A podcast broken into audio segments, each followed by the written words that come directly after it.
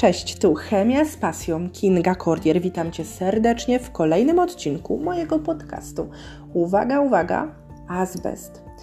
Azbest nie jest taką trucizną jak na przykład tal omawiany przeze mnie tydzień temu.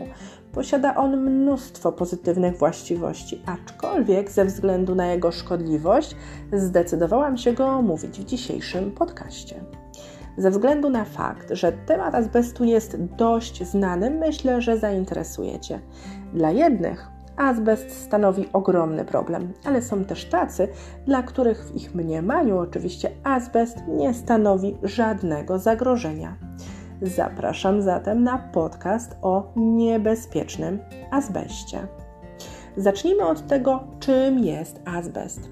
Jest to grupa minerałów, naturalnie występujących w przyrodzie.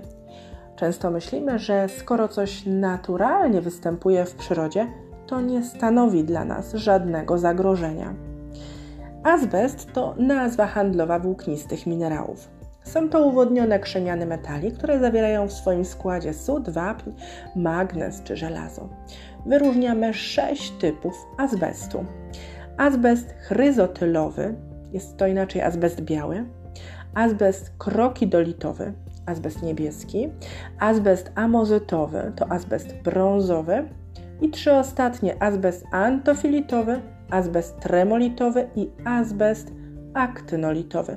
Pierwsze trzy odmiany, czyli biały, niebieski i brązowy, są to odmiany azbestu wykorzystywane w celach komercyjnych. Azbest wydobywany jest w kopalniach azbestu, np. w Kanadzie czy Afryce Południowej ale złoża azbestu znajdują się niemal na całym świecie. Największe to te wspomniane w Kanadzie, kolejne w Rosji. Azbest w Polsce? Tak. Serpentynity zawierające azbest można spotkać na Dolnym Śląsku, a także w Rędzinach koło Kamiennej Góry czy w Nasławicach w Sudetach. Polska nigdy nie posiadała i nie posiada kopalni azbestu. Azbest jest lekki, posiada cenne właściwości zarówno chemiczne, jak i fizyczne. Jedna z ważniejszych to jego odporność na wysokie temperatury. Jego temperatura topnienia wynosi 1500 stopni Celsjusza. Posiada on także właściwości termoizolacyjne i dźwiękochłonne.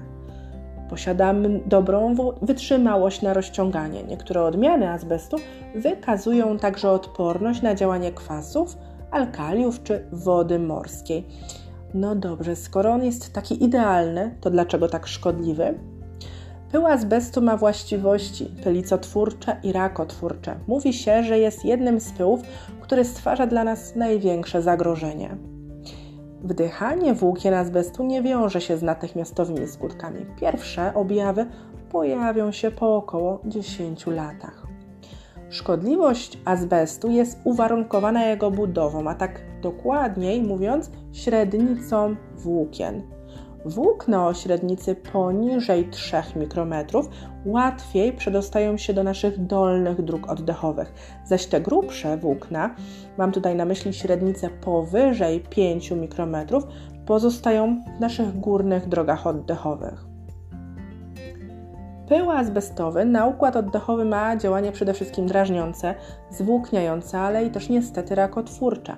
Wdychanie włókien azbestowych prowadzić może do pylicy azbestowej, raka płuc czy międzybłoniaka. A na koniec dwie ciekawostki. Kopalnia azbestu w Kanadzie służyła naukowcom jako taka namiastka powierzchni Marsa – Kopalnia pozwoliła na przetestowanie specjalistom z czterech uniwersytetów łazika. I kolejna ciekawostka. Azbest praktycznie do lat 70. XX wieku był symbolem zamożności Kanady. W Kanadzie, 100 km od Montrealu, można odwiedzić miasto Azbestos.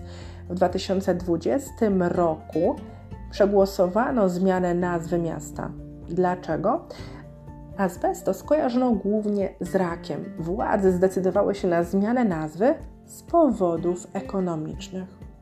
Jeśli spodobał Ci się dzisiejszy podcast, podeślij link swoim znajomym. Dziękuję.